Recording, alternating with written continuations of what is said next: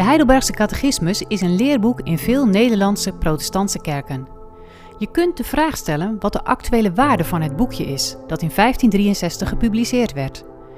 Twee dominees, Simon van der Lucht en Gert-Jan Klapwijk, gaan over deze vraag in gesprek. Beiden houden van de catechismus, maar ze durven er ook kritische vragen bij te stellen. Welkom bij HC. Wat kun je er nog mee?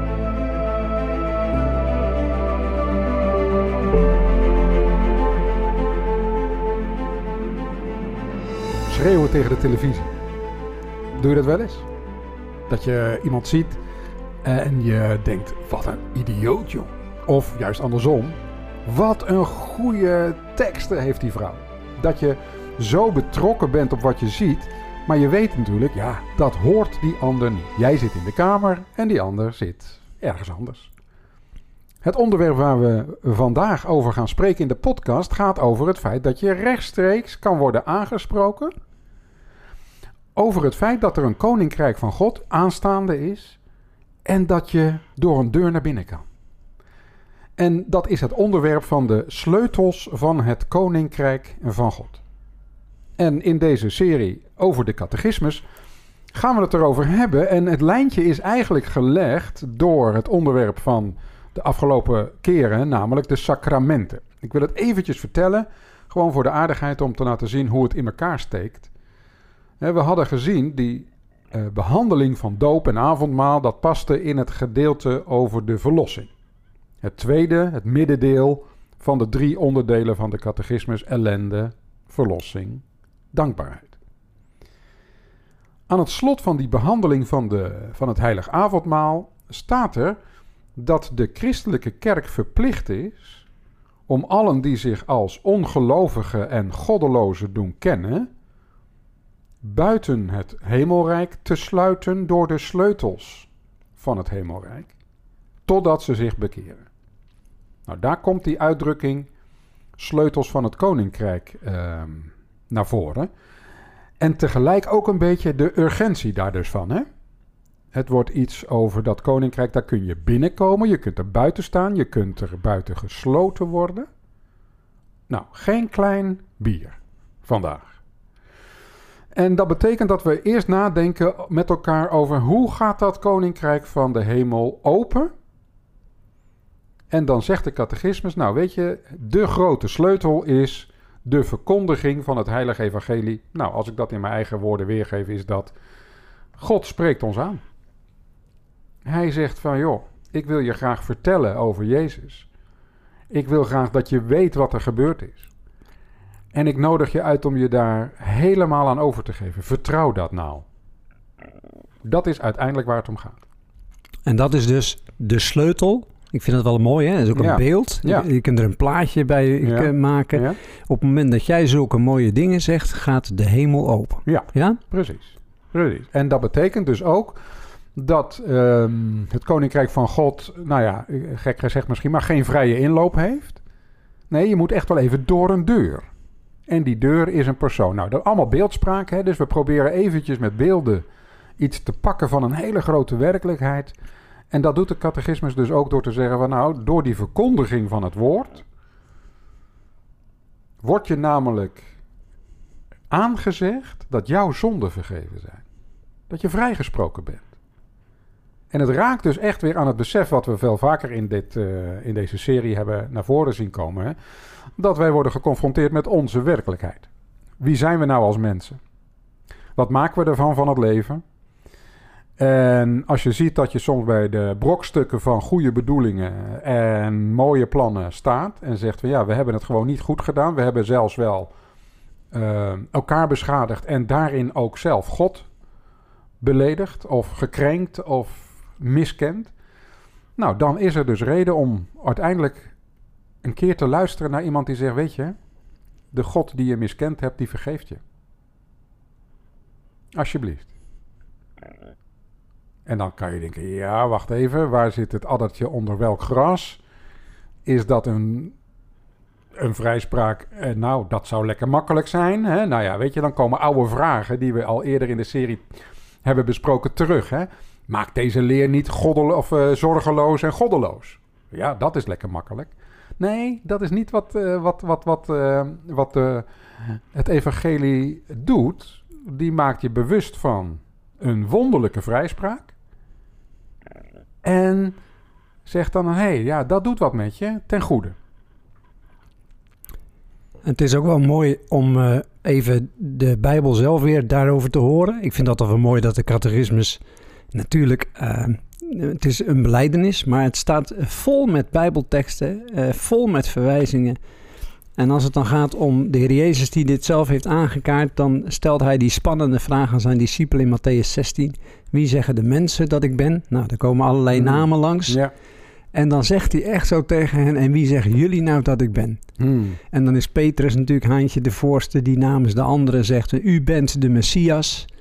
Dus op basis van dat geloof, en dan zegt de Heer Jezus: Nou, op, op die uitspraak, op jou, op, op dit geloof bouw ik mijn koninkrijk. Bouw ik de kerk, bouw ik de gemeente. Dus dat is eigenlijk die, die groep van mensen die samen uitspreken, u bent het. Ja.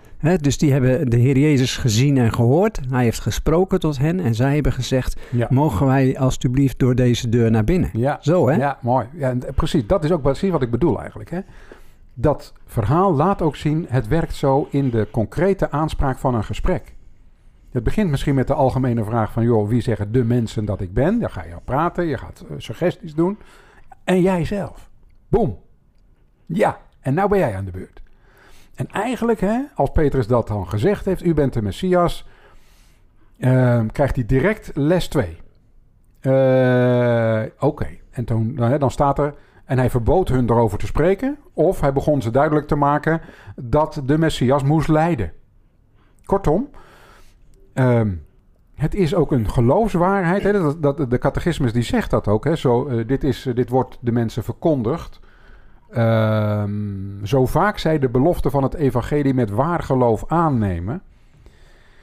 Nou ja, het woord vertrouwen vind ik altijd daarin heel passend om te snappen dat je denkt, ja, het is eigenlijk te groot om al direct ja op te zeggen. Kan het waar zijn dat dat koninkrijk van God de hele wereld recht komt zetten? Waarom is dat nooit eerder gebeurd dan?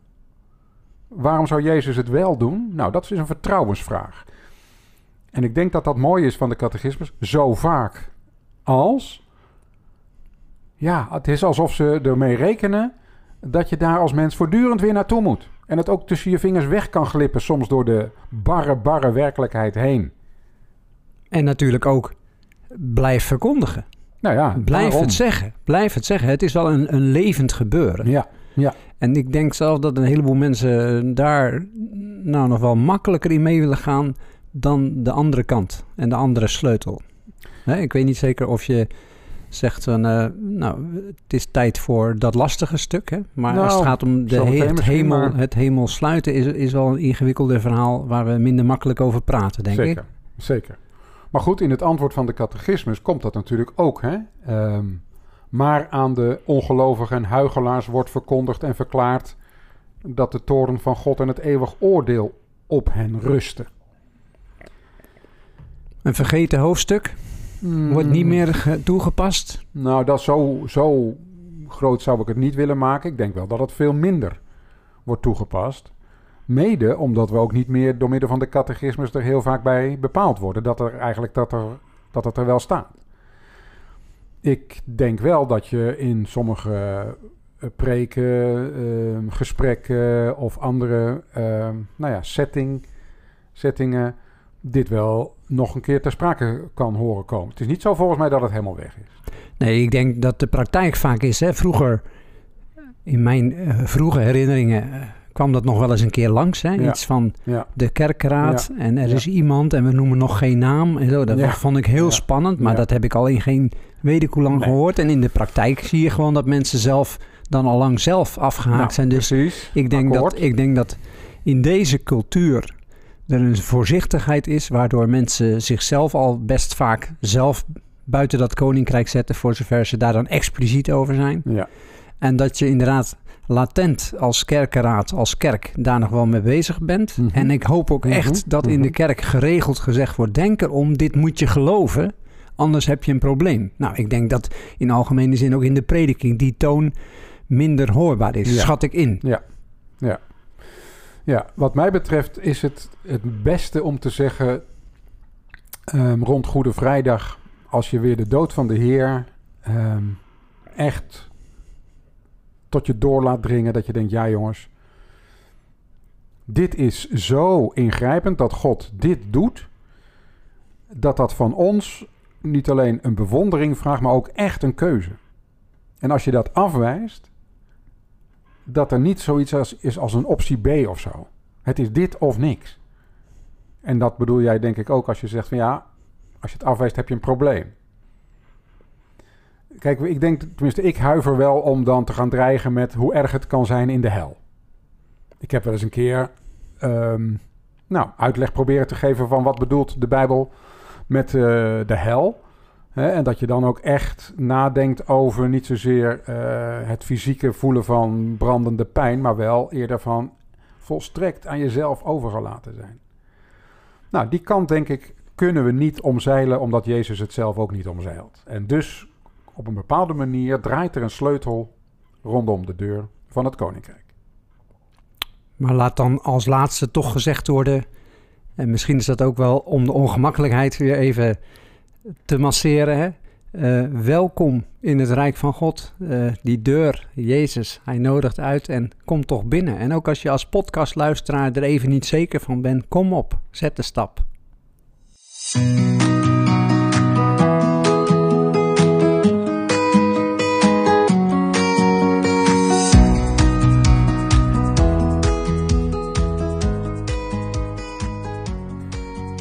Dat koninkrijk van God gaat open en dicht. Dat is de werkelijkheid waarover we spreken met dit onderwerp. En dat betekent dat we nu nog een tweede invalshoek eh, krijgen via de catechismus. En dat is eigenlijk de sociale controle. Daar gaan we het over hebben. Kijken we naar elkaar? Nou, dat lijkt me een open deur. Vinden we wat van elkaar? Ook. Spreken we elkaar aan? Nou, daar wordt het al ingewikkelder. En de spannendste vraag is misschien dan: waarop dan? Wat is er eventueel goed of verkeerd? En als we de catechismus nog even bekijken, hè, dan zitten we dus in zondag 31. We bespreken de sleutels van het koninkrijk. En dan ehm, zegt de catechismus in vraag en antwoord 85 dat je op bevel van Christus een vermaning laat gaan naar allen die onder de naam van christen zich in leer of leven onchristelijk gedragen. Dus dat is het punt. Het wordt dus gezegd over mensen die weliswaar zich pretenderen: ik ben christen, maar in hun ideeën die ze ventileren, in de dingen die ze doen, eigenlijk evident onchristelijk zijn. Nou, waar beginnen nu de spanningen? Nou, ik denk dat de spanningen beginnen in deze cultuur, of misschien ook wel onze kerkelijke cultuur. Ik hoorde een keer iemand zeggen: het lukt ons redelijk goed om harmonieus langs elkaar heen te leven. Oké, Dus zeg maar, eh, eh, alles Ja. goed, ja, alles Ja. goed. Met jou Ja. ook, ja, alles goed. Ja. En als het al gaat om ongemakkelijkheid, dan eh, merk ik nog wel eens dat dan mensen zeggen: Nou, dat moet dan de ouderling of de dominee maar doen. Wij branden onze handen er niet aan. Waar ben, wie ben ik om me daarmee te bemoeien? Ja, Eh, ben jij nou zo'n beste? Eh. Dus de hele, de hele setting, de cultuur is, is niet meer in een sfeer van... hé hey joh, eh, doe jij het wel goed? Hé hey joh, vertel eens, eh, ik zie bij jou dingen die, die volgens mij niet kunnen. Vertel eens. Nou, je, je moet dat allemaal anders doen dan een tijd geleden, maar je moet het wel doen. Dat is ook wat deze catechismus en wat Matthäus 18 ons ook aanreikt. Hè? ja. Als een broeder zondigt, Ja. ga onder vier ogen. Dat hoeft niet... eh, Nee. helemaal kerkbreed en in de, in de blaadjes te komen. Maar, maar doe het wel. En Ja. ik denk echt dat daar een, een huiver is vanuit de cultuur van eh, be- bemoeien met jezelf. Eh, denk jij dan dat je het allemaal zo goed weet? Ja. Dat is mijn inschatting. En jij? Ja. Nou, ik heb er nog een tweede gedachte bij. Ehm, ik denk ook dat we sneller geneigd zijn om de psychologische achtergrond van een bepaalde misstap in rekening te brengen. Je kunt bijvoorbeeld zeggen, je moet geen overspel plegen. Dat lijkt mij vrij evident. En ik denk dat dat zelfs ehm, buiten de kerk wordt gezien als niet oké. Als jij een vaste relatie hebt met iemand, ben je niet zomaar vrij om ook nog met een ander een seksuele relatie op te bouwen. Als het zich voltrekt in een kerkelijke sfeer en je raakt met elkaar erover in gesprek, kom je vaak in de sfeer van ja, maar wacht even, er was wel wat loos in mijn eigen relatie. Kortom, je krijgt langzaam maar zeker begrip voor wat er aan stap gezet is, ook al keur je hem af. Is dat verlies? Is dat winst? Mm, ja, verlies, winst, verlies, winst, weet ik niet. Ehm, ik denk dat het noodzakelijk is. Je kunt namelijk niet iemands gedrag alleen maar beoordelen op zijn daden. Er zit vaak intenties achter en ik vind ook, ook echt bijbels gezien, dat je mag vragen naar het waarom. Neem niet weg dat fout is fout. En de gekwetste partij, de bedrogen partij, heeft alle recht op erkenning dat die verraden is omdat er een belofte was gedaan. Dus er zijn wel degelijk situaties volgens mij waarin we in ieder geval ervaren. Nou, dat is niet christelijk. Want Christus vraagt nu juist liefde en trouw. Ehm, en dat betekent dus dat er ook echt fout is. Maar ik denk ook dat er een aarzeling is om uiteindelijk mensen daar de consequenties van te laten zien. In de sfeer van, nou, nu moet je erkennen dat je fout geweest bent. Je moet schuld beleiden. Je moet terugkeren van je verkeerde weg. Of bij het uh, uh, doorgaan op een verkeerde weg zeggen van als je zo doorgaat, sta je uiteindelijk buiten het koninkrijk Gods. Dan moet er wel meer gebeurd zijn dan alleen maar de daad van ik neem overspel. En dat is misschien ook wel vandaag juist de huiver. Dat je, dat je het dan wel echt goed moet weten. Precies. Ik, ik herinner me nog niet, geloof ik, meer persoonlijk, maar wel de verhalen. Als dan een stelletje voor het trouwen zwanger werden, dan mm, moesten ze mm. uh, later, hoefde het alleen nog maar voor de kerkenraad. Maar er zijn nog tijden geweest dat je voor in de kerk ja. dan schuld moest beleiden, zeg maar. Hè? En dan werd het ook allemaal wel weer vergeven. En daar zat iedereen met grote ogen naar te kijken. Nou, dat is echt ondenkbaar vandaag in mijn setting, in onze setting. Ja. Omdat je je nu afvraagt, wat is daar dan precies de zonde van? En moeten we ze niet uh, feliciteren dat ze niet hebben zitten knoeien enzovoort. Ja, dus de, de, ja. de panelen verschuiven. Ja, maar dat komt ook omdat we uiteindelijk in uh, een samenleving, ook een kerkelijke samenleving zijn gekomen... waarin we elkaars echte leven niet meer kennen. Ik geloof dat echt. Als je al namen van een ander kent... wat is precies de achtergrond van iemand? En als je dan in een situatie ineens voor het schandblok... op het, hè, op het podium zou komen kan je natuurlijk een heleboel woorden van eerherstel en vergeving, maar dat gaat niet meer werken. En gelukkig is dat ook niet meer de praktijk.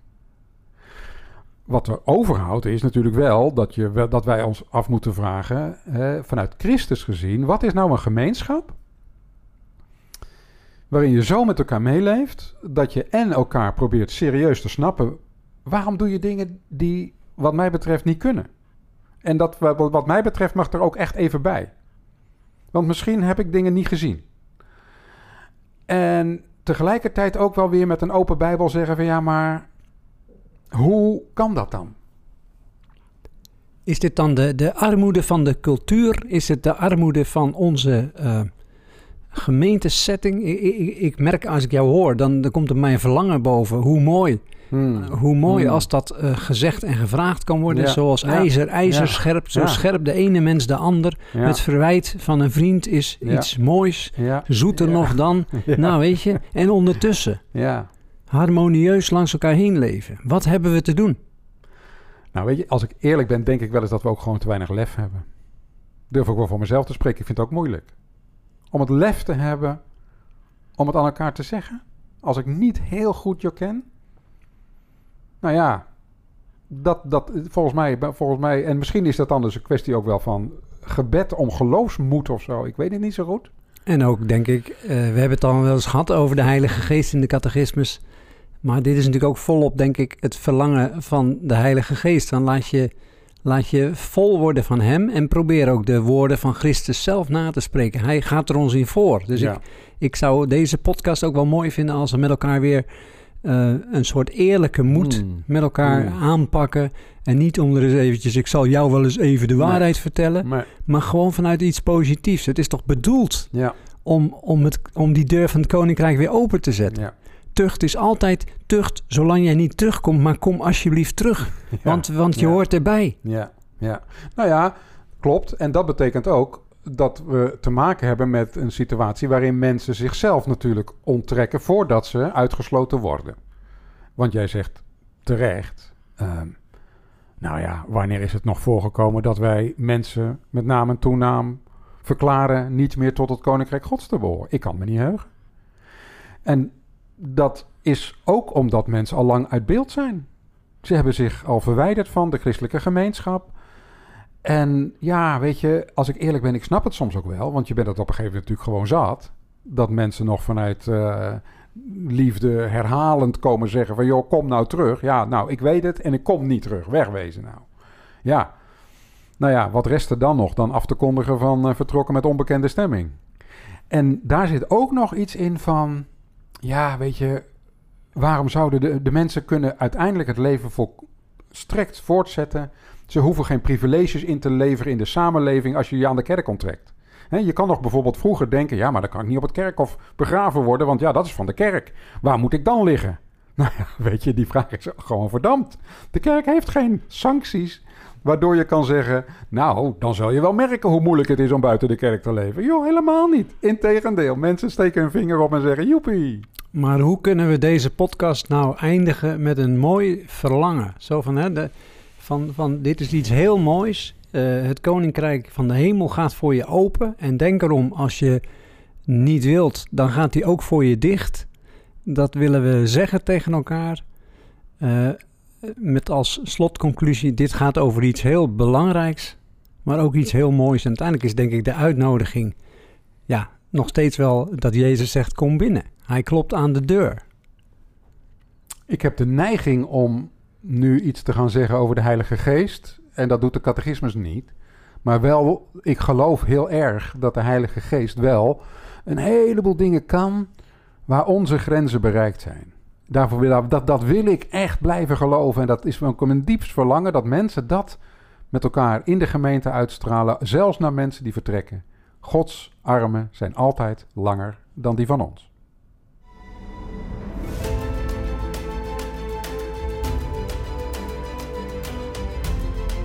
Leuk dat je geluisterd hebt naar deze aflevering van HC. Wat kun je er nog mee?